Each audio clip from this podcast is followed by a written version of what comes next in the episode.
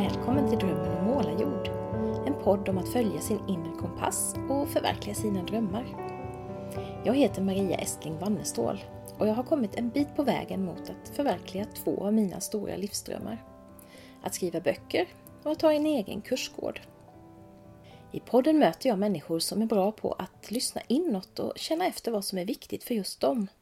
En del av dem har förverkligat livsdrömmar, andra håller på att göra det. Jag inspireras av deras berättelser och det hoppas jag att du också ska göra. När jag spelar in det här så är det riktigt decembermörkt runt omkring. Men det samtal som ni ska få lyssna på idag, det sprider mycket ljus och värme tycker jag.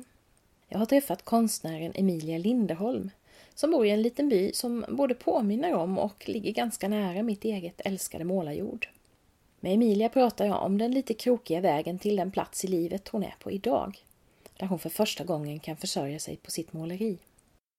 En intressant sak med Emilia är att hon är uppvuxen i en familj där det här med att satsa på sitt konstnärskap, ja, det är någonting av en självklarhet. Så är det förstås inte i alla familjer. Nu hann inte mina egna föräldrar leva så länge att de fick se mig ta tag i mina drömmar och välja bort den där akademiska karriären för en friare och mer kreativ verksamhet. Men om de hade varit i livet, då tror jag att de nog hade haft en hel del synpunkter på det valet. I min familj var det nämligen så att det där med utbildning och jobb och ordnad ekonomi var väldigt viktigt. Ingen av mina föräldrar läste vidare. Pappa inte ens mer än sexårig folkskola.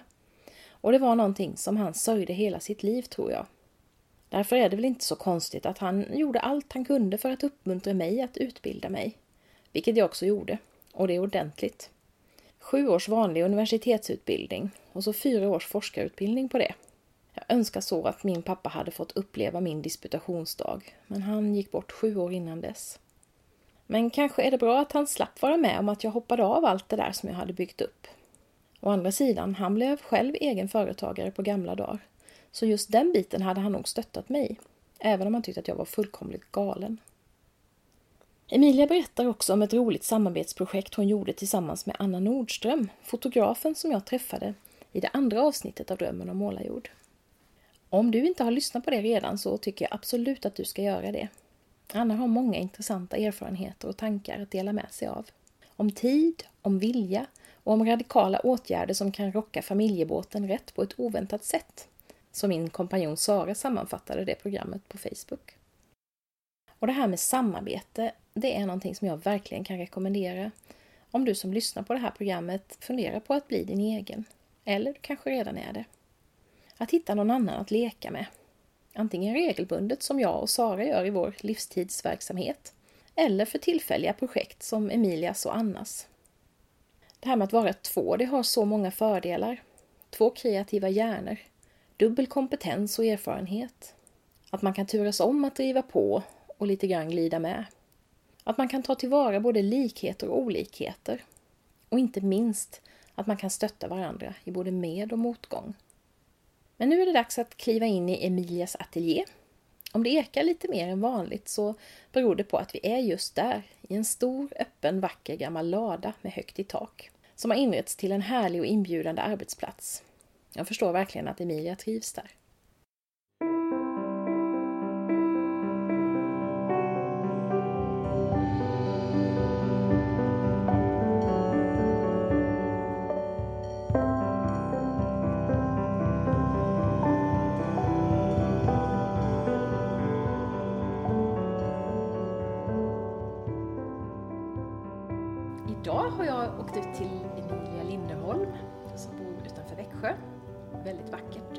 Landet.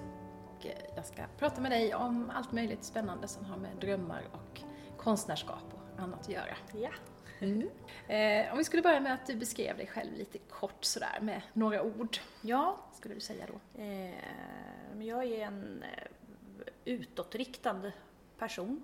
Tycker mycket om sociala ja, möten med människor och så. Men sen har jag också en del av mig som är behöver vara i ro och vara för mig själv och sådär. Så det är de två sidorna väldigt mycket hos mig. Så jag är väldigt varm, tycker jag själv i alla fall. Eller jag är nog en väldigt varm person så jag tycker om att, ja, jag är social och tycker om människor och möten och, och så. Ja. Men också mycket sådär att jag behöver vara mm, ja, i min ateljé och arbeta och eh, vara i mina fantasier och tankar och, och idéer och sådär. Mm. Skriver rätt så mycket dagbok och sådana saker. Mm. Så det är de där två sidorna mycket som, som jag har med mig då. Ja. Intressant, för det där känner jag igen väldigt ja. mycket hos mig också, just ja. att jag har båda de där. Ja, men precis, att man är också beroende är jag av båda sidorna. Ja. Jag skulle inte bara kunna liksom vara för mig själv och vara väldigt så introvert liksom. Då får jag lite overklighetskänslor och mår inget bra. Men är jag bara ute i svängen och umgås med folk och går på massa möten och sånt, då blir jag lite rotlös så. så mm. Eh, det är nog väldigt typiskt för mig tror jag, att jag mm. har det där båda sidorna i mig liksom. Mm. Vi sitter ju här i din ateljé nu. Ja. Och eh, vad gör du här? I, vad gör jag här? För de som inte kan se. Ja, precis. Men här så, vi flyttade ju hit till eh, Tolly då för tre år sedan, jag och min familj. Och då var den här uh, ladan en vanlig lada mm.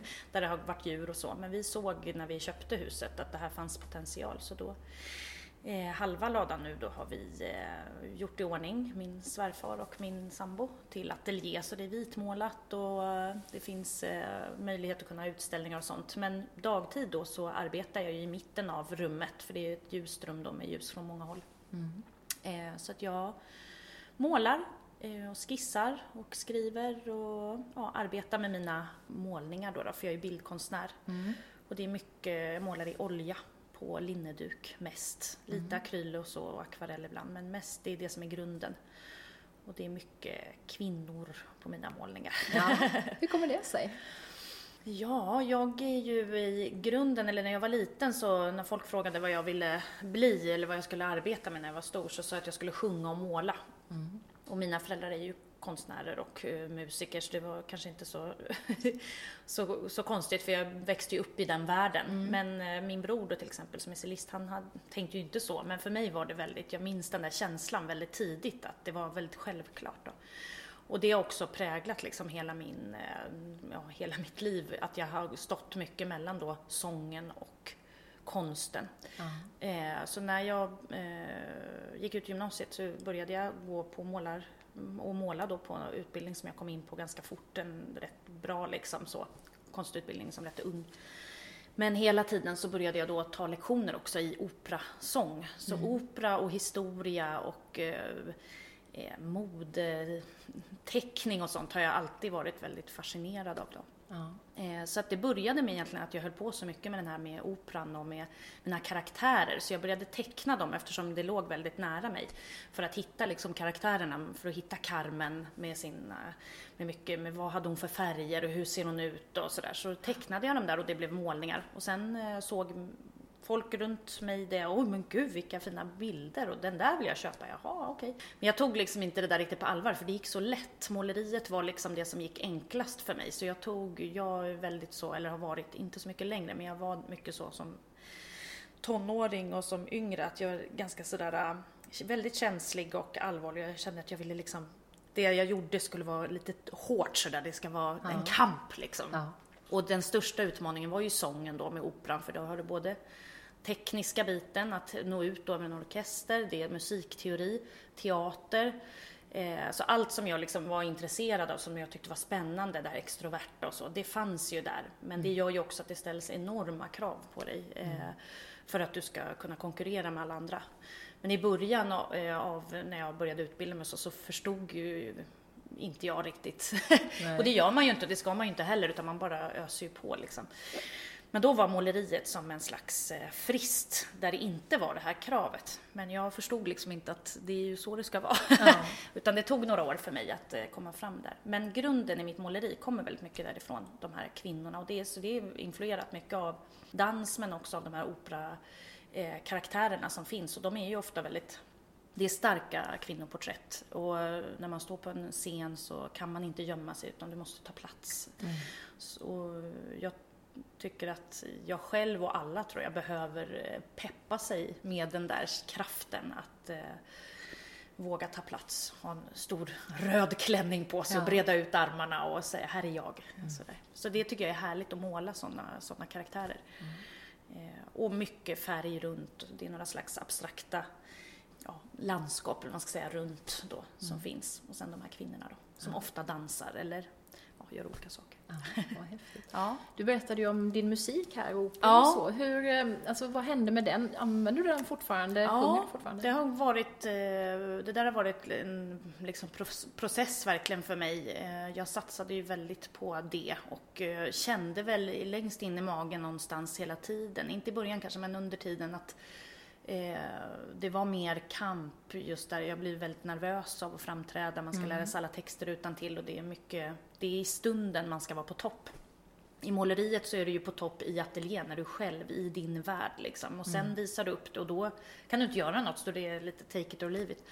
Men när du sjunger, då är du, kommer du av dig eller ja, blir du nervös och du börjar sjunga in, orent eller någonting. Då är det i stunden och du blir dömd direkt. Och det där var en väldig stress för mig. Som gjorde att det var tufft hela tiden. Men jag bara körde på för jag kände att nu har jag, till slut blev det liksom att nu har jag ju sjungit så länge, lagt så mycket pengar på det här, jag har kommit in på fina utbildningar. Nu kan jag ju inte hoppa av det. Fastän någonstans kändes det så här, gud vad skönt det skulle vara att kanske bara måla på dagarna och kanske sjunga, ha en konsert då och då för att det är roligt eller liksom på en annan nivå sådär. Så att när jag eh, träffade min nuvarande, var min sambo då, Jonas, eh, 2006 så kom jag samtidigt in på en högskoleutbildning i klassisk sång. Så jag hade kämpat i massor med år för att göra det då och samtidigt då så träffade jag Jonas och blev jättekär och vi hade haft en relation tio år i- tidigare så Jaha. att det var som att hitta hem. Vi hade liksom längtat efter varandra utan att ha vetat om det på något vis.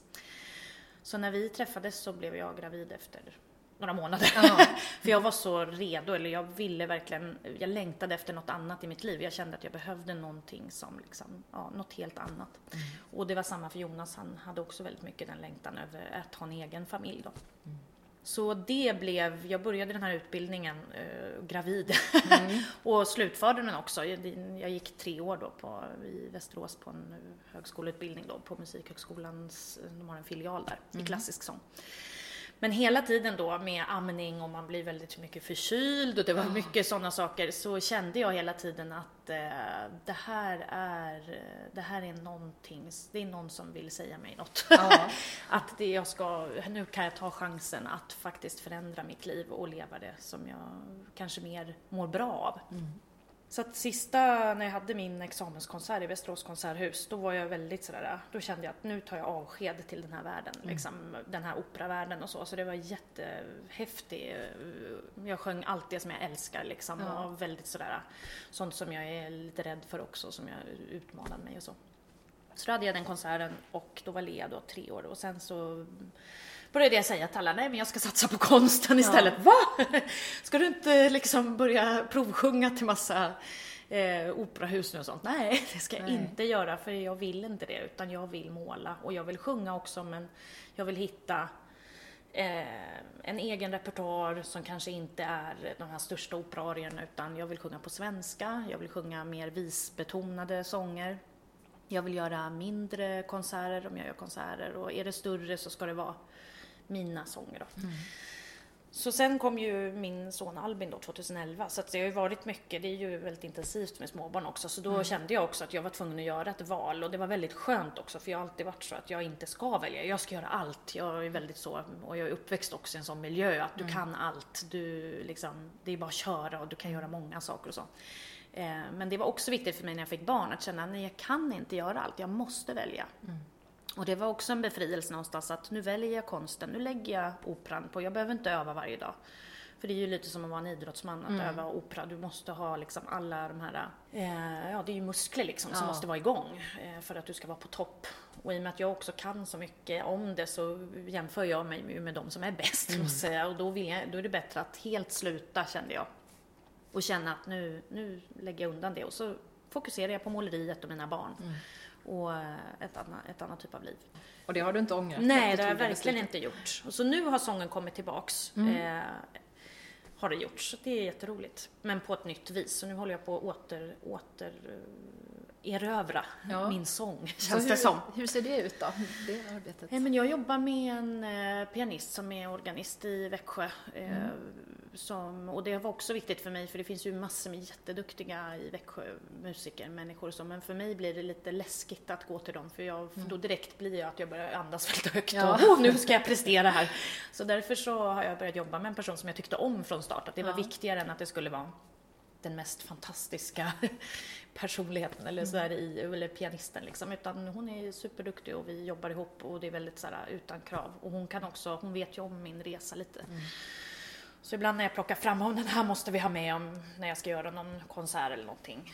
Plockar jag fram italiensk opera eller något och står och tar med en och säger men Emilia, du måste inte göra den här. Varför ska Nej. du, för vem ska du sjunga den här? Och då blir det så här, nej jag behöver ju inte det. Jag, jag måste inte det, även om jag kan det. Jag kan få fram de där tonerna. Men om jag inte känner för det så behöver jag inte det. Nej. Utan då kan jag välja någon som är lättare och, och, och så blir det roligt istället. Ja. Och det där känns ju jätteviktigt tycker jag det här just att fundera över vad är mina egna eh, önskningar och vad Ja. är det som är någon slags förväntan Ja. på vad andra Precis. vill ha Och ofta så är det också så tycker jag att när man följer det som man själv, alltså när man lägger undan det där så Mm. plötsligt så märker man men det var ju ingen som förväntade sig det. Det var ingen som krävde det utan det var jag själv som la det Mm. på mig liksom. Just det. Så det där har varit en väldigt, liksom, var väldigt viktigt för mig att Ja, inse det. Och vara snäll mot mig själv, Ja. för det tappade jag bort mycket i den här operahetsen. Att, att eh, ja, det är viktigt att vara det. Ja, Så att det inte bara blir prestation, Nej, liksom. precis. Och det tror jag gäller så många, alltså många yrken som har en sån där prestation. Mm. Jag känner igen det också från Ja. den akademiska världen. Ja, visst, det det fanns en förväntan. samma. Man går en lång, lång utbildning. Ja. Nu ska du göra karriär Precis. och folk har stakat ut vägen Ja, för en. ja, ja, och så visst. plötsligt inser man att nej men det där var ju inte jag. Nej, Det var inte det jag ville göra. inte den här kostymen, Nej, jag blir helt spänd liksom. Men jag tror många har svårt då att, att faktiskt ta det där beslutet eller steget att kliva av. För att det är ju så, det är så prestigeladdat, det är status, det är, Ja. ja. Mm, och det är ju jobbigt få just också, ja men precis som du säger, det är prestigeladdat och att Mm. det var ju samma då att flytta hit och massor med Ja. val som vi har gjort under de här senaste, eller som jag har gjort men också tillsammans med min familj liksom Precis. senaste året. Just det, jag tänkte på det också. Vi pratade om, om det i ett annat avsnitt här med Ja. Lisa Moraeus som också har gjort en sån här geografisk Ja, resa just då, det, flyttat precis. till en ny stad och Mm. byggt upp. Och det är ju någonting som, som handlar, det handlar ofta om det när man gör Mm. Någonting där man satsar på sina drömmar, kanske säger nej till någonting. Det kan ju handla om just det där att Mm. Ja. bryta upp från ett sammanhang. Ja. Och du har gjort det kan man säga dubbelt då. Du har brutit upp från Absolut. operasammanhanget Ja. och du har brutit upp från storstan eller i alla fall ja, det be- bekanta och flyttat ut på landet. Så hur, hur har det varit för dig? Vill du berätta lite om det? Ja, men jag är uppväxt i Vaxholm då, en skärgårdsstad. Så att jag är uppväxt i en liten stad, men det ligger ju en halvtimme från Stockholm. Mm. Så jag har ju alltid haft närheten till Stockholm. Men eh, från start, när jag var riktigt liten, eh, så bodde min eh, mamma med mig och min bror uppe i Härjedalen, Jämtland. Mm. Mitt ute i ingenstans, i en liten by som heter Ljungdalen. Så där är jag liksom uppväxt från helt start och sen var vi där hela somrarna. Mm. Så jag har liksom haft det med mig, det här lugnet som fanns där och som finns där. Vi, mina föräldrar har ju fortfarande kvar det huset så vi försöker åka dit så ofta det går. Då. Eh, så det har jag haft med mig. Eh, men sen är jag uppväxt då i Vaxholm som är en skärgårdsstad och det är hav och allt det här. Eh, och när jag var liten så var det ju massa olika typer av eh, ja, människor som bodde där och olika samhällsklasser om man ska säga. Tyvärr nu har det blivit så att det, det är ju väldigt fint och pittoreskt och så, Ja. så att priser och sånt har ju åkt upp och sådär. Så att jag och min, eh, när jag och Jonas träffades så flyttade vi ut dit till min lägenhet. Men sen fick vi ju två barn och eh, bodde i den här lilla lägenheten på 60 kvadrat. Eh, Mm. Och eh, hade det väldigt trångt och gick och tittade på alla de här vackra husen i Vaxholm som är helt fantastiska. Men som vi inte riktigt hade råd med. Jonas är musiker från början då, basist och jag var ju konstnär, hade pluggade och vi hade små barn och hade ju liksom inga riktiga inkomster och visste inte riktigt vad vi ville liksom med allting. Så det var mycket kvällspromenader och prata, vad ska vi göra, vart ska vi bo? Och vi, och vi ville gärna bo kvar i Vaxholm för det är en liten härlig liksom, stad. Så. Men sen så mer och mer så kände vi, ja men var, vart, vart är det liksom logiskt, Var är det möjligt att vi skulle kunna bo så att vi också mår bra? Mm. Och där var det också viktigt det här att krasst se på saker också, att man kan inte få allt. Det är ju lite så nu för tiden, känner man, att folk vill ha allt. Man ska liksom ha ett jättestort hus, man ska bo nära stan men ändå på landet och det ska, man ska kunna åka till Thailand en månad och alltså allting. Men det går ju inte, ibland måste man liksom välja. Eh, och jag har ju mina föräldrar i Vaxholm nu i Strängnäs. Vilket var ju ja, så då först så hade vi en tanke på att vi skulle bo runt i varje fall Stockholm kände jag då, kanske Södertälje eller söderut där någonstans och sådär. Men sen hade vi ju Jonas familj, han kommer ju då från Braås Mm. och hans föräldrar åkte upp och hjälpte oss väldigt mycket med barnen. För mina föräldrar är ju då fortfarande aktiva som konstnärer och musiker. De reser jättemycket och har konserter och så. Så de är inte de här som kan bara, man bara kan ringa, åh kan ni hämta idag efter Nej. dagis? Det går inte för då är de liksom i Sveg och har en konsert. Så nej, inte idag, men kanske nästa vecka sådär. Så det där blev också liksom att vi började fundera, hur ska vi göra så att jag kan satsa på det jag vill göra och vad vill Jonas göra av sitt liv med sin, vad, han vill inte fortsätta med musiken kände han, han ville jobba med något annat då. Så till slut då så började vi kolla, vi kollade ju på Hemnet och sånt där hela tiden, på hus. Och då plötsligt hittade Jonas det här huset i Tolg då. Som såg så fantastiskt ut med kryddträdgård och den här ladan och det fanns sån potential. Men jag sa, nej men gud vi kan inte flytta så långt. Och då fick jag panik liksom. Jag kan inte flytta från min familj, hela min släkt och allting och det som är trygghet. Eh, samtidigt så varje dag när jag gick ner då till mina föräldrars hus i mitt lilla fickrum och försökte stå och måla där så var det ju liksom det här måste, det här går inte, jag måste ju vidare liksom. Så det ena med det tredje i varje fall så slutade det med att vi eh, bestämde oss för att våga bryta liksom allting och flytta så långt bort och ut på landet. Vi har ju aldrig bott på landet liksom på det sättet, inte Nej. i hus, vi hade bott i lägenhet hela tiden tillsammans också.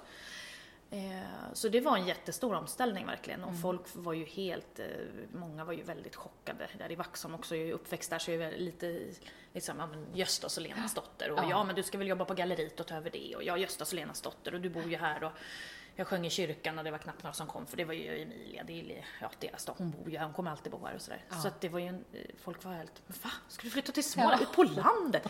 Tolg, vad är det för konstigt namn? Ja. Var, ut, jaha, och hur kan ni göra det? Och liksom sådär. Så fortfarande får jag, nu är det mindre, men i början var det alltid standardkommentarer när man träffade folk, eh, mammas och pappas kanske bekanta så. Vad gör ni där nere i mörka Småland? Ja. Är det några människor? De tror liksom att man sitter här i en avkrok under en tall och Ja. gråter liksom.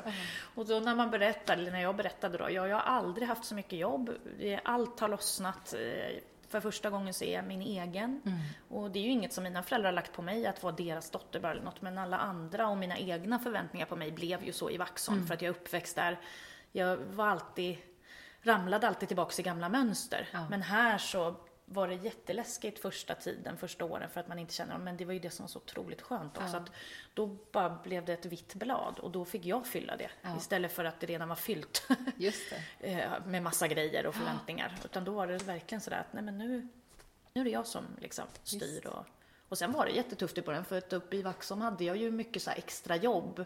Jag kunde jobba på min mammas galleri, jag guidade på ett slott, jag hade liksom allting klart så, så att man klarade sig ekonomiskt. Här nere plötsligt så var det, jaha vad ska jag ha för extra grejer? Här finns det ju, jag känner ju inte någon här liksom från början. Så det var ju också en utmaning. Så jag fick ju i början jobba med jag har städat i kyrkor och gjort semlor till pensionärer Ja. och massa olika grejer så som Ja. det är när man är kulturarbetare. Då får man ju alltid försöka fylla i ekonomiskt då. Men det har ju successivt kunna, har jag kunnat ta bort Ja. nu då, då. Så att jag helt kan leva på, på måleriet främst och sen sången kommer lite här och där med. Så Mm. att jag kan kombinera det i vissa utställningar och sådär.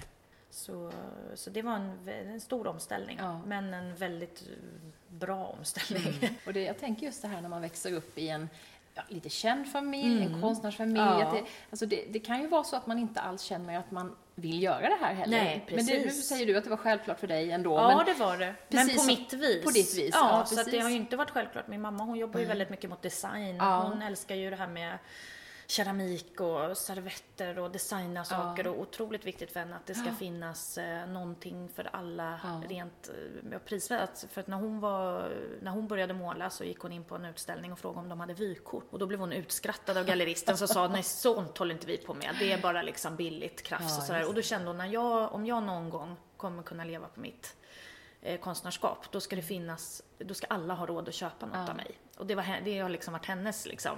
Och det där tycker jag är helt fantastiskt. Ja. Men jag har inte det mitt måleri, hon målar ju blommor och färger och former, det är väldigt bra att liksom kunna ja, föra över på keramik och, och ja, bruksföremål.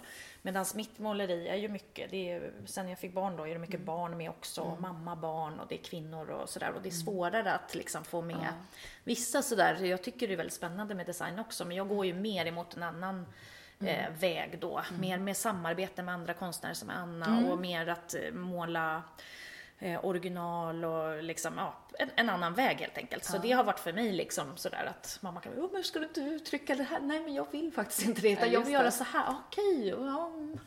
Precis, för och det- samma med det här att göra allting, för det Ja. var också i början då väldigt jobbigt för mig att berätta, att säga att nej men jag vill bara måla, sen får sången ta en mindre plats. Nej, men du kan göra båda. Nej, men jag vill inte det. Jag vet att ni tycker det är härligt att göra allt, men jag måste hitta min väg Precis. i konsten. Och det är liksom. intressant tycker jag, för det, det är ju, någon sån process har nog alla i sina Ja, familjer. Antingen har man ja. en, helt, en familj som inte förstår alls Nej, varför man vill göra sådana här konstiga saker. Och då kan det vara jobbigt. Å Ja. andra sidan kan man ju också ibland kanske känna lite press att nu ska jag leva upp till mammas Visst. och pappas eh, Ja, ja. på något sätt.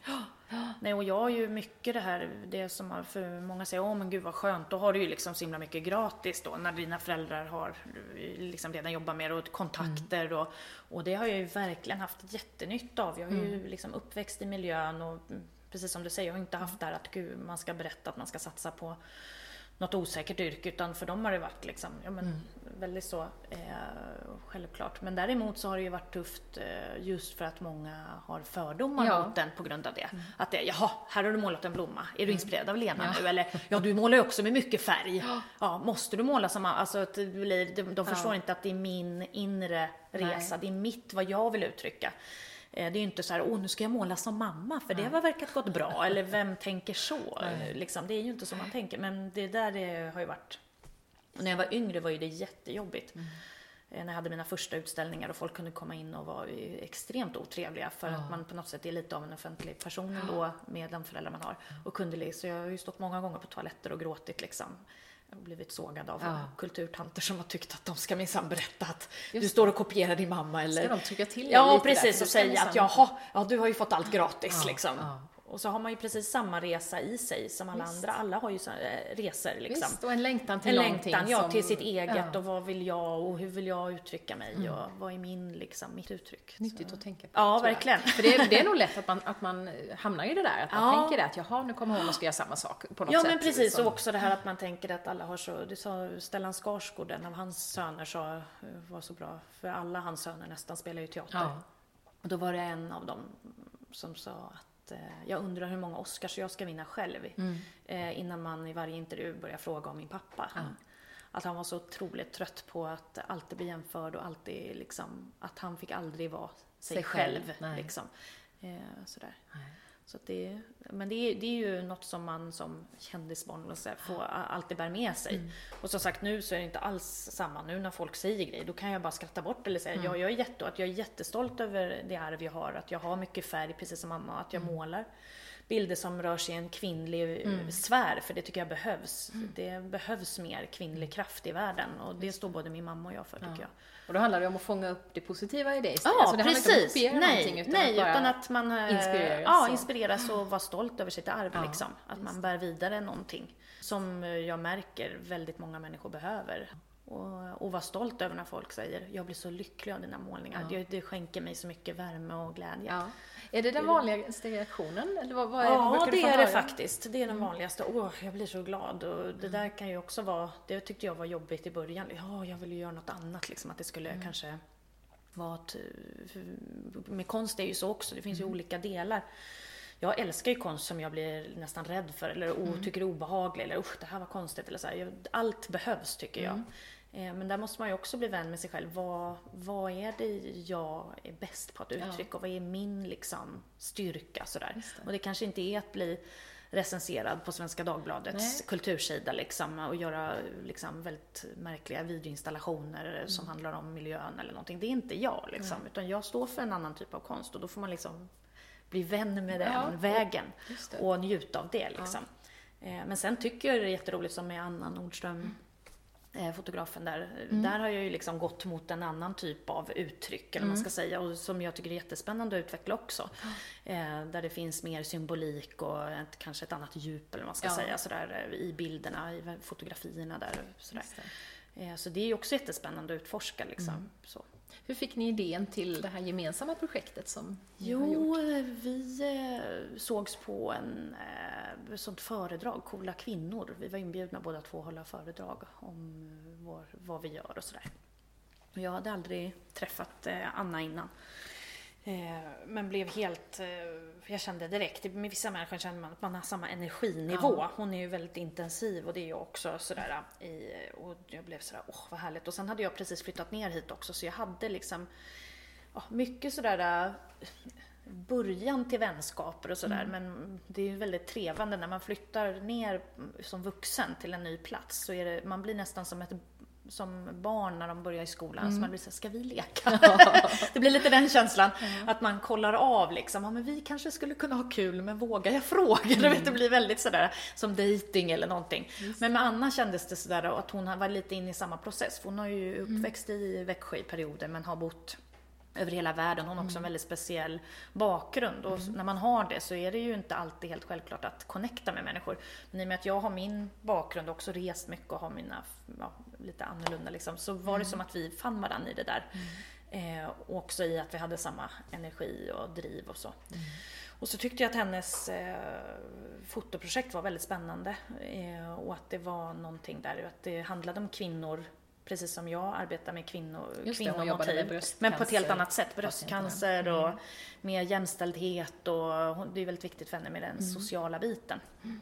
Eh, och då så fikade vi och sågs, vi hade barn i samma ålder så det var viktigt med det här att kunna hämta en viss mm. tid och blir de sjuka så måste man ställa in och det är ingen som blir sur över det och sådär.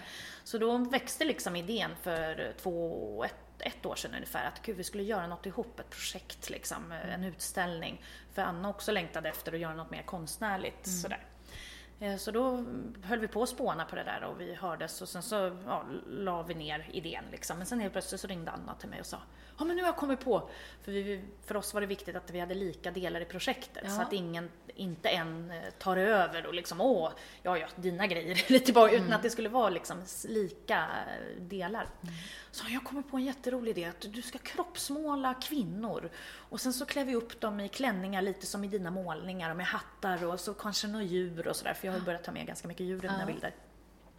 Och sen fotar jag dem där och jag tänkte, gud det här låter helt galet. Folk kommer ju tro att vi har helt liksom snurrat till det. Jag sa, ska vi kroppsmåla? Jag såg framför mig, du vet, såhär, nej, oh, jag tyckte det lät lite, men sen så började jag fundera och så förklarade hon och sådär och så växte i varje fall den här idén och sen så kom vi på då att vi skulle, Anna skulle fotografera eh, sjöar och eh, stigar och skogar runt Växjö mm. eftersom vi båda flyttat hit. Liksom att det, det, är en viktig, det skulle vara en viktig del i projektet att det fanns natur liksom, närvarande eftersom det finns det runt mm. i Växjö och i Småland. Liksom. Så då fotade hon och så tryckte vi det på canvas och sen målade jag eh, mina då kvinnor eller kvinnohistorier eller man ska säga på de här eh, canvasen då. Mm.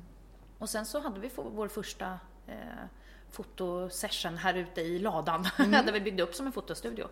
Och så noga så funderade vi ut vilka som vi skulle kunna fråga, för det är en ganska känslig grej. Jag skulle du vilja vara med på ett projekt, vi ska kroppsmåla, men du behöver inte visa ditt ansikte, för du kan ha mask eller hatt eller någonting.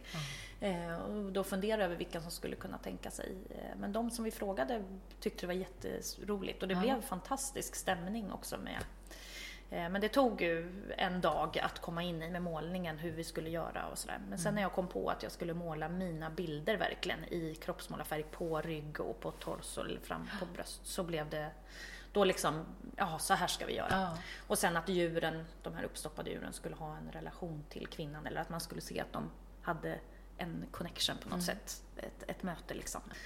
Så det har varit jättespännande ja. höst med det här projektet. Också. Mm. Jag var och tittade på den här utställningen. Jag ja. tyckte det var väldigt häftiga ja. bilder. Ja, Sen gjorde ni också någonting där du målade på Annas foto? Ja, det var de här fotona Mm, med mm. Ja, ja, Mm. björkar och Mm, med... de, ja, precis. Mm, Och sen så Helgasjön. Ja, det. För det var så häftigt tycker jag det här att ni gjorde det här ömsesidiga Ja. då, att ni tog varsin Precis, roll ja. där på något sätt. Ja, men det var väldigt roligt. Och så är man ju rätt ensam i, eh, i ateljén Ja. Mm. i perioder och Anna är också rätt ensam i sitt liksom, yrke så, att fotografera. Så det var det som var så kul också, att Mm. göra något som blev... få utlopp lite för den Ja. här eh, den extroverta Precis, sidan ja, också då. precis. Umgås. Ja, och sen också jag, med att jag kommer från hela operavärlden, jag älskar ju då ja, men du vet, masker och klä ut sig och hela den, och bygga upp miljöer, Ja. scenografier och så. Så att vi byggde ju upp miljöerna tillsammans också. Mm. Och med symbolik och så, ja men slog upp liksom, vad symboliserar Jung? Jaha, det är att ta in döden. Ja. Vi tänkte ju bara att det var en vacker färg. Så då blev ju det spännande att Mm. ha med det i en bild. Så då, men då var man ju tvungen också att fråga modellen, är det Mm. okej att vi har en Jung med? Känns det obekvämt för dig? Och då var det en tjej, hon ville ju inte alls ha med det. Nej. Eh, Hon, nej, det vill jag inte, det känns obehagligt. Så, nej, men då, och så frågade vi en annan, ja det är bara en fin färg. Så. Ja, det är så olika hur man är, men det blir ju en spännande dimension då till bilden också. Sådär. Du jobbar ju mycket hemma och ensam Ja. och sådär. Hur tycker du det är att ha ateljén så nära hemmet? Är det bra eller det, finns det nackdelar? Eh, Jag tycker det är ju extremt skönt när man har små barn. Mm. Eh, I och med att vi har skola och dagis väldigt nära här. Så tar det i princip för mig, liksom, jag lämnar vid kvart i åtta och åtta kan jag vara igång i ateljén. Eh, Så att jag vinner ju väldigt mycket tid på det. Eh, Jag har ju vänner som bor i Stockholm som arbetar som konstnärer som sitter då en halvtimme, timme liksom på Ja. tunnelbana till ateljén och sen ska man tillbaka och hämta barn. Så att det, bara restid blir ju väldigt mycket. Så det tycker jag är jätteskönt. Och sen just också att eh, ateljén är så pass stor och att det är verkligen min värld som jag kliver in i här. Eh, I början så hade barnen mycket leksaker här och vi var på väg att sätta en TV här, att de skulle kunna kolla TV om jag behöver måla, om de är sjuka, men lite sånt. Men det har vi helt liksom, det har jag tagit bort allt det. För att det har varit viktigt för mig att det här eh, Det är en det här är arbetsplats. inga, ja, det är en arbetsplats. Här leker man, här springer man inte runt. Ibland kan det vara så som när vi hade massa masker och kläder här. Då fick de leka här med kompisar och, klä, och måla sig i ansiktet. Det var ju liksom, Vilken då var de i extas liksom. Så det var jätteroligt. Men då är det, sen är det att säga att nej, men nu är det här mammas, här Ja. arbetar jag. Ja, Så det tror jag är väldigt viktigt när man arbetar hemifrån. Att värdera sitt arbete. Eh, och också som kulturarbetare så är det lätt att man förminskar som kvinna, framförallt då såklart. Säga ja, jag målar lite hemma eller ja, jag håller på lite med ett projekt där jag skriver eller och så skrattar man bort det lite. Eh, men att säga liksom till sina barn också, ja vad jobbar din mamma med? Hon är konstnär och hon jobbar, hon går varje morgon och arbetar och så att man också höjer eh, i- för folk också, att Ja. människor förstår att det är ett yrke. Jag är åtta här och jag börjar måla och sen har jag lunch tolv. Och sen kanske jag åker på möten, hämtar ramar, eh, åker med, till någon kund eller sådär, eh, sitter med fakturor. Men det är ju arbetsdagar. Det är ju inte att jag sitter liksom och bara åh, vi får se om jag får någon inspiration idag. Ska jag ta en kopp kaffe till så Ja. kanske det kommer till mig liksom. Så är det ju inte. Det är så utan- lätt att få den bilden när man Väldigt inte lätt, och det förstår jag för det är ju svårt att förstå. Jag förstår det när jag var liten, eller liksom hela min, så har man ju haft svårt att förstå att andra inte fattar. Men det är ju, nu förstår jag ju verkligen det, för att det är ju något helt annat liksom, typ av yrke. Ja. Jag stod i ICA-kön eh, och så hon som sitter i, på ICA är jättegullig tjej och hon började prata lite och sa jaha, jaha vad gör du mer än att målar och pysslar och sånt där? Ja, ja, det är så Nej, det är det jag gör. Det är mitt yrke. Ja. Va? Är det ditt yrke? Ja, det är det. Men du gör väl något mer? Ja. Nej, det Nej. är det jag gör. Jaha. Hon såg Ja, jättekonstig det är som en fattade helt annan alls. värld för ja, många människor, nej, tror jag, hon hade jättesvårt att fatta det där. Jag försökte jag förklara. Och som nu hade jag ju en grupp på 25 personer här. En, Mm. en grupp med kvinnor som kom hit eh, som har en förening som och sjöng jag och berättade om min konst och de fick se. Och det är också viktigt tycker jag, att visa då att inte ta bort allting utan Nej. så här ser det ut. Jag har ett staffli, massor med färg, det är penslar, det är liksom jättesmutsigt på golvet. Eh, att det är en arbetsmiljö. Mm. Ja. Så de var ju också, oj ser det ut så här när man arbetar som konstnär, vad spännande. Så Ja, jätteintressant för jag tror just det här är jättevviktigt att, Ja. att ta det på allvar. Ja. Att, att på något sätt symboliskt för sig själv också Det markera. är jätteviktigt. Jag tänker på det, jag jobbar också mycket hemma och Ja. jag till exempel, jag gör inte sådana här saker som att gå och eh, plocka ur diskmaskinen eller så. Är det min arbetsdag, Ja. då rör jag ingenting. Jag kan se de där sakerna, Ja. för jag jobbar ju till och med inne i huset. i huset ja. Så det är jättelätt att Ja. se och jag hör många andra som säger det att, ja men ja, så vet, så går man och gör det. Nej, jag gör inte Nej. det. Jag jobbar jättedisciplinerat tills jag ska Ja. åka och hämta på Ja. dagis. Sen så fort jag kommer hem, då Ja, kan jag då kan man göra, sakerna. Då ja. ser de plötsligt. Ja. Men jag tror att det är, Ja, det är otroligt, otroligt viktigt. viktigt. Och att sätta de där gränserna för sig själv också. Vad, vad är jobb, vad är... För jag gjorde, innan ateljén blev klar då, när vi flyttade ner där, den har ju varit klar sedan i, eh, i, i våras, men jag flyttade väl in eh, i somras någon gång. Liksom. Och innan dess var det precis samma sak för mig, men jag hade jättesvårt för det. Att, eh, jag började hålla på med disken och tvätthögen och allting sånt där. Och sen plötsligt var klockan tio, så hade Ja. jag inte kommit igång och måla alls. Liksom. Så att för mig har det varit jätteskönt att komma ner hit. Eh, och verkligen att det blir, ja, det, att det verkligen, att man är tydlig med det. Mot sig själv och mot andra. Att här arbetar jag. Liksom. Man tar sig själv på allvar. Och speciellt då om man känner att man vill förverkliga en dröm eller börja med någonting så tror jag att det är viktigt tidigt också Ja. faktiskt. För att det också ska bli av. Ja, ja, För annars blir det det här att man är lite Speciellt som kvinna också, man är hemma och pysslar lite och sen så gör så man lätt- lite det där andra också, men då blir det inget Nej. av det. Utan man Det är så lätt ta att prioritera plats. bort eh, de där sakerna Absolut. och känna att det är annat som är viktigare. och det övar jag på hela tiden. Eh, Jag har en kompis som heter Kerstin Bolin som har, driver trädgårds, eh, Klockargårdens trädgårdsbutik borta i Ör. Hon och jag tar mycket morgonpromenader. typ prick åtta, en halvtimme bara och går runt området så här så man kommer igång. Och, Så hon har peppat mig mycket med två ord, fokus och magkänsla. Ja. Och det är verkligen otroligt viktigt. Ja. Eh, att man liksom, nej, vad är viktigt nu? Hur känns det i magen? Är det här liksom? Sådär. Även om det är att plocka in disken eller Ja. inte på fel tidpunkt. Ja. Bara påminna sig, nej, det är inte det jag ska göra nu, det gör jag sen när jag hämtat barn. Och, Eller så får min man göra det istället, Ja. jag behöver inte göra det. Nej. Och idag kan du leva på din konst alltså? Ja, det kan jag. Hur ja. säljer du? Hur, hur får du köpa det till tavlor? Är det utställningarna eller är det andra sammanhang som Ja, alltså- fungerar det? När vi flyttade, I samband med att vi flyttade ner hit så fick jag kontakt, eh, eller jag blev, eh, ja det var en gallerist som kontaktade mig från Linköping eh, som också arbetade, eller han, han mm, arbetade liksom lite mer med vissa av sina konstnärer. Och han var intresserad av att arbeta lite mer med mig då. Och det var ju inget som kom direkt men det liksom successivt växte fram då. då. Så senaste mm, året egentligen så har han eh, faktiskt, ja han, han tar hand om mycket av av, av liksom distribueringen av konsten och också marknadsföringen, vilket är en enorm eh, befrielse. och det är mycket därför också jag kan leva på det, för att han eh, köper in, eh, om jag har tio original, så kan han mm, köpa dem. Och så har han kontakter då, både utställningar på flera ställen runt i landet, men han har också kontakt med auktioner, med andra handlare som kan vara intresserade av att köpa dem. Eh, Så att då behöver inte jag liksom tänka på den grejen och inte ligga ute med pengarna. Just det. vilket är ju väldigt stressigt som konstnär att du alltid nästan eh, arbetar på kommission. Mm.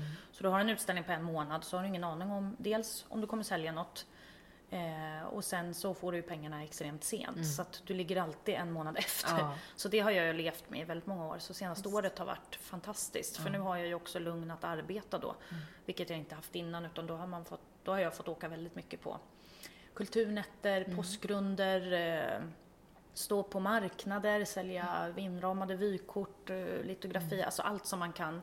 Jobba med extra grejer, väldigt mycket packa in i bilen, åka iväg och det blir ju extremt slitigt Mm. Ja. när man har barn också och sådär. Man får aldrig Absolut. eh, lediga helger och så. Nej. Så det har blivit ett nytt liv för mig verkligen Ja. det här året. Så det är jätteskönt. Ja. Jag tror att det kan vara en sån där sak som skrämmer många från att just satsa på en, Ja. till exempel konstnärlig Ja. dröm. Det handlar så mycket, eller man kanske inte tänker på det innan Nej. så mycket, men hur mycket det faktiskt handlar om att sälja, Ja, marknadsföra. det är och enormt mycket driv att det är inte det själv. som är ens, ofta ens drivkraft, Nej. utan det är ju det där andra, Ja. kärnan man Ja. vill göra och så Ja. inser man att man måste lägga så mycket tid på det där Precis. andra som man egentligen inte alls Nej. har någon, kanske varken fallenhet Nej. eller utbildning Nej, för. jag är ju väldigt, jag tycker ju sånt är kul. Ja. Så att för mig har det varit, eh, hade jag inte haft någon familj, då hade jag Mm. säkert kunnat karka runt sådär hur mycket som helst för jag tycker det är superroligt liksom.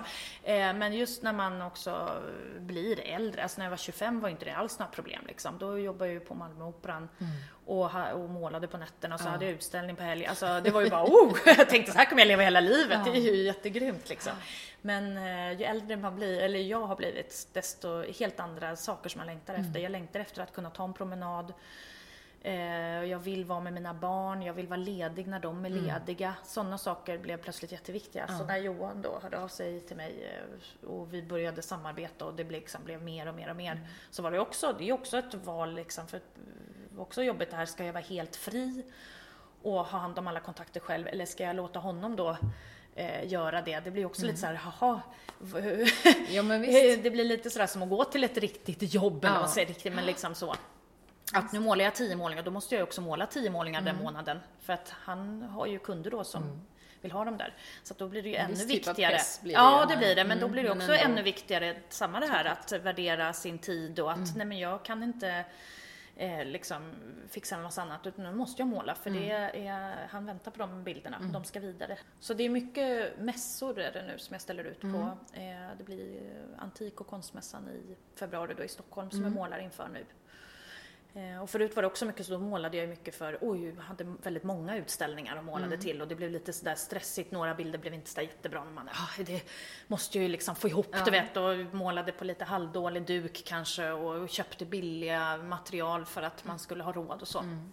Men det har också varit fantastiskt nu att nu är det linneduk och det är jättebra kvalitet på färgen och jag har lugn att måla Mm. just för att jag vet att det är inte samma ekonomiska stress Nej. och att det är viktigare då att göra en kvalitativ målning som jag kan ta mer för. Som verkligen håller liksom och som Mm. jag har arbetat igenom än att göra liksom tio små som är liksom Ja. halv. Så Det där är ju också som jag har fått jobba med liksom, i och med att jag är jag är ganska så här utåtriktad och liksom, oh, vill göra mycket grejer. Att Ja. liksom gå tillbaka och bara, nej, lugn. Ja. Jag ska måla fokuserat och färre utställningar men, men, men liksom, och färre verk men att det är mer kvalitet i det. Då. Ja. Är du någonsin orolig för att inspirationen ska tryta eller att det här samarbetet ska, alltså oroar dig för framtiden Ja. eller känner du dig lugn i det? Eller Nej men det är absolut, det Ja. har man ju, det har jag med mig. Mm. Det och, och också i och med att mina målningar eh, mycket har grundat sig i de här kvinnomotiven Mm. eh, så är det ju också kan ju folk som säga, jaha ska du alltid måla kvinnor? Och så Ja. blir man så här, jag vet inte det. Men det har också varit skönt med, i och med att jag har den här backupen nu med min gallerist som också Mm. har varit sådär att nej men du måste utveckla ditt eh, liksom eh, motiv, motiven och så men Mm. att det får ta den tid det tar, att han finns där liksom och backar upp och köper då litografier och grafik och sånt också Mm. under tiden. Så att nu håller jag på och målar en hel serie Ja. Mm. som är helt abstrakt som eh, vi ska lansera då till våren. Ja. så. Och det blir en helt annan typ av eh, publik. Mm. Eh, sådär. Eh, och det kanske inte alls funkar. Då får man väl måla några kvinnor på dem. Nej men då får man, eller, och sen är det ju viktigt också som konstnär just med inspirationen. Jag känner ju väldigt tydligt när jag står och eh, målar, börjar repetera mig själv liksom. Så då är det ju jätteviktigt att bara, nej det här funkar inte. Det får ju absolut inte bli att man, eh, men det är ju också svårt som konstnär just det där att man vill ju måla sånt som folk vill ha. Ja. Men man får ju inte heller börja göra och bara det folk Nej. vill ha. Nej. För då tappar man bort sig själv och det blir eh, inte bra alls liksom bilder. Så det där är hela tiden en balans också. Så den oron finns alltid. Det har ju också med inspiration att göra. Det känner jag är samma sak med skrivande. Ja. För att jag vill ju skriva det som är viktigt för mig. Ja, Jag skulle kunna skriva en deckare och då Ja. kanske det skulle vara mycket lättare att komma liksom loss Komma och loss, tjäna pengar och få Mm. förlag och sådär. Men, nej, men det är inte jag, då kan jag inte satsa nej, på det. Det Precis. inte. Nej, det är jätteviktigt det där att hitta vem man är och sin och sen så hittar, ju, hittar man ju rätt kunder eller liksom de som tycker om det man gör. Så det är verkligen en, en balansgång det där. Jag har ju vissa mål, jag har en målning som jag har, tryckte som vykort och som eh, sån här art fine chiclé Mm. eh, litografi då. Eh, och den eh, älskar ju folk Mm. så fort jag har med den. Jag har fått ta bort den från hemsidan för det blir så tröttsamt till slut att det är bara den folk vill ha. Finns Ja. den med på en utställning? Åh, den vill jag ha! Ja, men den är slut! så att det, ibland är det lite så också för att frigöra sig från det så får Just man det, inte liksom... fastna för Nej. mycket i. Men sen finns det ju också oro som den här galleristen, liksom, det kanske inte, det kanske skär sig mellan oss om ett år, det har man ju ingen aning om. eh, Att det blir meningsskiljaktigheter eller att han hittar någon annan att jobba eller sådär. Ja, Men just nu så känns det väldigt bra och vi har, vi har också pratat om det och är medvetna om att eh, vi kör det år för år. Liksom. Nu tar vi det här året och sen har man en utvärdering. Ja. Funkar det att jobba vidare så gör vi det. Men annars får man gå skilda vägar och försöka klara sig på annat sätt. Eh, Men jag tror att det är viktigt också det som jag hade stress för när jag var yngre med operan alltid var det här eh, väldigt mycket just det här förväntningar inför andra och så. Ja, Men jag kan ju aldrig ta ett typ vanligt jobb eller tänk om att jobba med något. eh, För, för mig var det när jag ringde min mamma och sa ja nu jobbar jag på, Sand, på Sandsbro kapell och städar nu när vi flyttade ner och gör semlor till äldre. Och, Va? Ja. Kan du jobba med det liksom? Och det var så skönt också. Ja men det spelar ju ingen roll vad jag jobbar med. Huvudsaken är att jag mår bra. Mm. Skulle det vara så att ingen inspiration, jag vill inte måla mer, nej men då får jag väl hitta en annan väg. Mm. Då kanske jag får jobba eh, igen ja. som husmor eller liksom som något annat. Men det, eh, att inte ha det, det där vara pinsamt eller precis att komma bort från det mm. tror jag är väldigt, för det har jag levt med mycket det här mm. att inför andra liksom att ja men det måste vara utåt liksom att ja. vara pinsamt, oj hon misslyckades som ja. konstnär då nu eller mm. liksom att försöka tänka bort det för mm. då, då, blir man mycket friare också tror jag.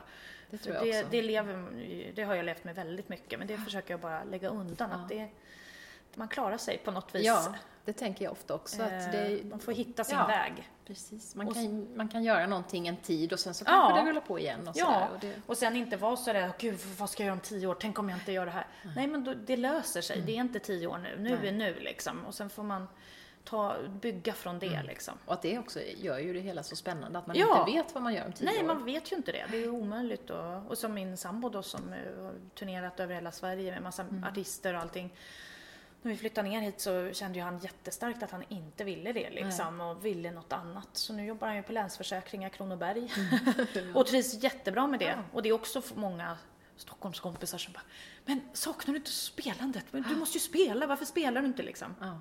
Nej men det, jag vill inte det. Och det är samma med, ja men du som spelar med så stora musiker så, ja fast det är ju underbart de som blir lyckliga av det. Men mm. jag blir inte lycklig där nu. Nej. Utan jag vill ha ett fast jobb och jag har jättebra arbetskompisar och jag ville något annat. Ja, Oavsett om det då är att satsa på en dröm att måla eller om mm. det är att bli polis eller ja. vad det är för något. Det är ja. inte det som är. Utan... Nej, men att det är det man själv vill göra och inte vad andra Ja, det tror jag är jätteviktigt. Mm. Mm. Och det har varit eh, för mig jätte, ja, men en resa verkligen. Liksom.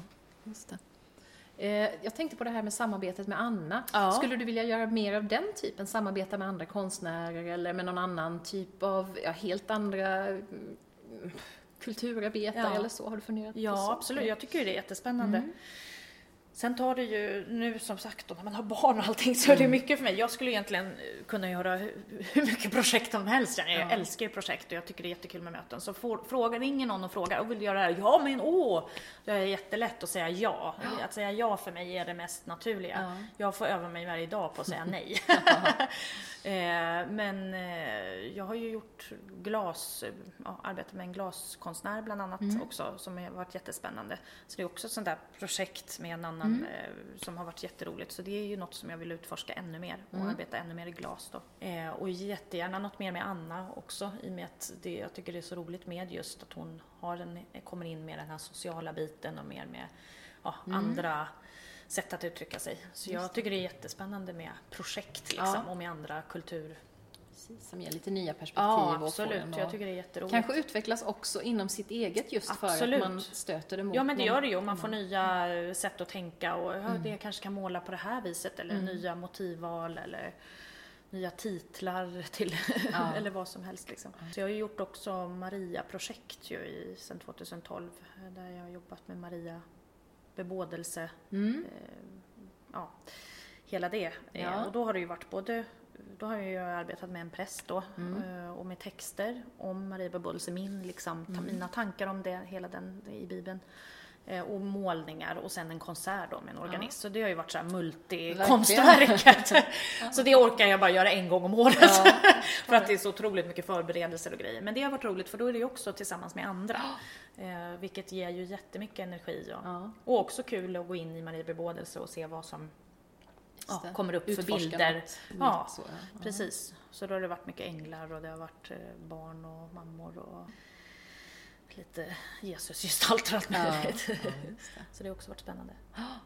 Roligt. Det är kul att gå in i olika, eh, men sen är inte jag jätte, jättetroende. Jag är inte liksom, anser mig inte som superkristen utan jag tycker det är spännande med historia mm. och med Bibeln. Sen har jag ju absolut en andlig tro och mm. liksom längtan så, men det är inte liksom så att jag är någon slags kristen konstnär.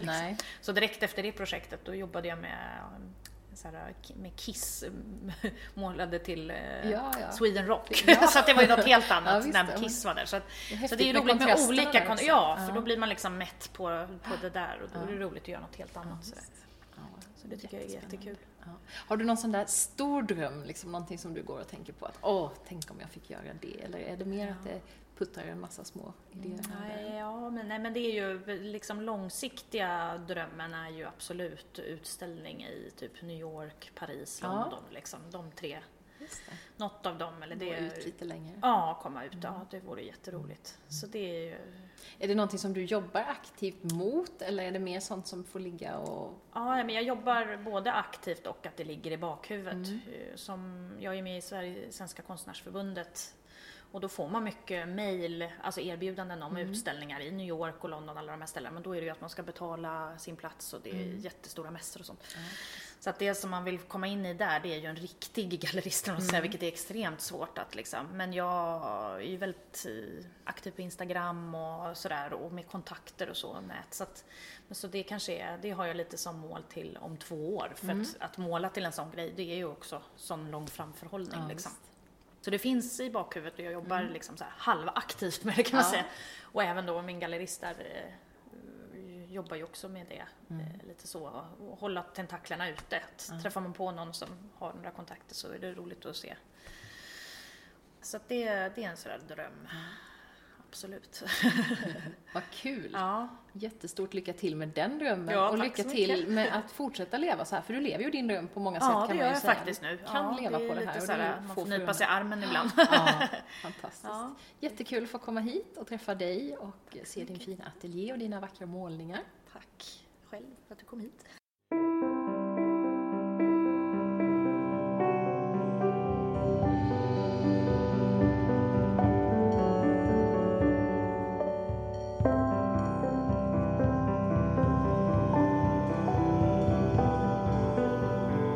Alltså Emilia Linderholm. Och om du blev sugen på att se lite mer av Emilias vackra målningar än vad du kan göra på det där fotot som jag tog så tycker jag att du ska kika in på hennes Facebook-sida Art by Emilia. I vårt samtal kom vi ju in på det här med att ta det man gör på allvar. Någonting som nog kan kännas svårt ibland när man har såna här fria kreativa yrken som att måla tavlor eller skriva böcker. I synnerhet om man liksom smyger igång det lite grann vid sidan av någonting annat. Det kan vara svårt att prioritera just det där som man brinner för men som inte är så tydligt ett yrke, i alla fall inte än. Om just det här handlar ett avsnitt av en av mina favoritpodcasts, Författarpodden, där Agnes Hellström och Frida Skybeck pratar om hur de får ihop det där som de kallar för författarpusslet. Är du intresserad av skrivande tycker jag att du ska spana in den podden. Kom också ihåg att gå in och gilla Drömmen om målarjords Facebook-sida om du inte redan har gjort det. Och jag blir jätteglad om du vill tipsa om den här podden i dina nätverk om du gillar den. Tack så mycket för att du har lyssnat och välkommen tillbaka. Hejdå!